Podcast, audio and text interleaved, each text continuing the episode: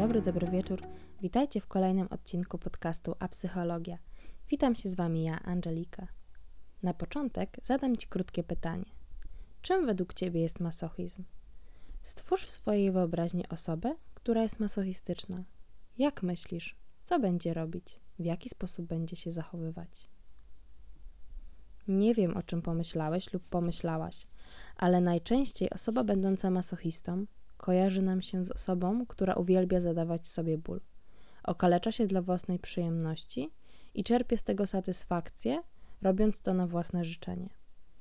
Widzimy głównie tę przyjemność z bólu, zapominając o tym, że takie osoby bardzo cierpią.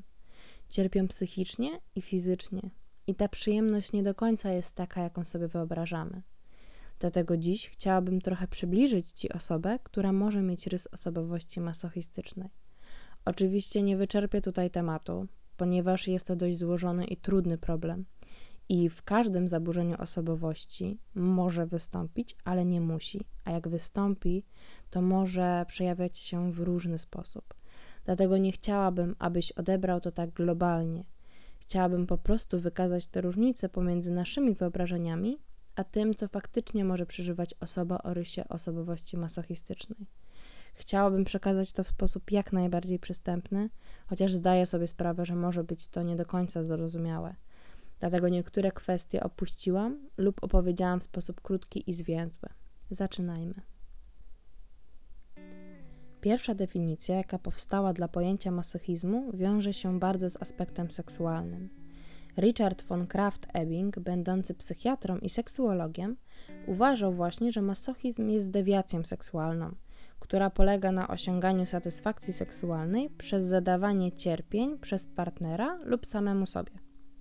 Współcześnie psychoanaliza nadaje szerszego znaczenia masochizmowi i znacznie oddala go od perwersji seksualnych. Obecnie masochista kojarzony jest z chęcią cierpienia nie zawsze związanym z aspektem seksualnym. Według Kernberga osobowość masochistyczno-depresyjna jest jednym z najbardziej powszechnych typów poziomu organizacji osobowości neurotycznej. Tu tak wspomnę pokrótce, że możemy wyróżnić trzy takie organizacje osobowości: neurotyczną, psychotyczną i borderline. I tu nie chcę się wdawać w szczegóły, bo to możemy podzielić jeszcze na sposób funkcjonowania, czy wysoki, czy niski, a chciałabym, aby ten odcinek był przystępny dla każdego. U osób o rysie osobowości masochistycznej dominuje głębokie i nieświadome poczucie winy, złość, uraza i oburzenie. Postrzegają siebie jako osoby mające pecha, niesłusznie cierpiące.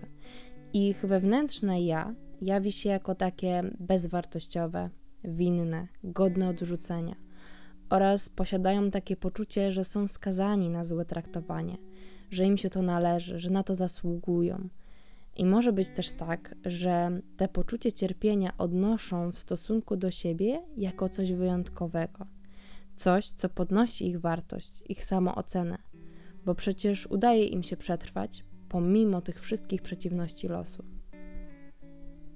Bardzo często wśród tych osób występuje przymus powtarzania czyli polega on na takim nieświadomym powtarzaniu w swoim dorosłym życiu patologicznego scenariusza z dzieciństwa. Takim typowym przykładem może być doświadczanie przemocy ze strony partnera i trudność w odejściu od niego, ponieważ w dzieciństwie ta osoba doświadczała przemocy ze strony swojego ojca. To taki bardzo klasyczny i namacalny przykład, ale takich zachowań może być wiele i mogą być one bardzo subtelne a dla osoby przeżywającej są nieświadome. Więc ta dodatkowa trudność w dotarciu do tego, że to jest powtarzanie tego scenariusza, który miał miejsce w dzieciństwie. Osoby masochistyczne też mogą wchodzić nieświadomie w środowisko, które jest toksyczne, ale dla nich bezpieczne, bo to jest to, co znają z dzieciństwa. Na przykład w dzieciństwie ktoś z rodziców się nad nimi psychicznie znęcał, to w życiu dorosłym mogą na przykład znaleźć środowisko pracownicze, które działa bardzo podobnie i zamiast się od niego uwolnić, bo to mm, tutaj też chciałabym, żeby wybrzmiało, wybrzmiało, to nie jest tak, że tym osobom jest super fajnie, jak ktoś na przykład ich wyzywa, znęca się nad nimi, no mobbinguje ich. Odczuwają ten ból, ale ta głębsza satysfakcja, nieświadoma przede wszystkim, że wytrzymują pomimo tego oraz fakt, że takie środowisko jest dla nich bezpieczne, bo je znają. Sprawia, że trudniej jest im się uwolnić, trudniej jest im wyjść, wyjść z tego przymusu powtarzania. Charakterystycznym dla tych osób mogą być zachowania autodestrukcyjne w różnej postaci. Przez samookaleczanie się w sposób typowy, czyli cięcie się, po na przykład subtelne, takie jak używanie tabletek przeczyszczających czy robienie rzeczy ryzykownych i zagrażających zdrowiu. Przyczyną ukształtowania się takiej osobowości masochistycznej była często, lecz nie zawsze, nie chcę tutaj uogólniać, traumatyczna deprywacja lub strata w dzieciństwie, która prowadziła do reakcji depresyjnej, ale nie tak silnej, żeby dziecko przestało mieć nadzieję na bycie kochanym. Dziecko uczyło się, że musi cierpieć, aby być kochanym. Jeśli odpowiednio pokaże, że potrzebuje współczucia lub opieki, to nie zostanie całkowicie osamotnione emocjonalnie. Dziecięca psychika nie przyjmuje takiej informacji, że to z rodzicami coś jest nie tak i oni coś robią nie tak. Dziecko zaczyna zawsze winę lokować w sobie, bo to pozwala im przetrwać. Bo bez rodzica, tutaj tak ewolucyjnie, by nie przeżyło. Dlatego nie może być złe na niego, nie może być złe na rodzica, nie może mu czegoś zarzucić, będąc jeszcze dzieckiem oczywiście, bo jak już jest dorosłym, to ta psychika jest bardziej wykształcona.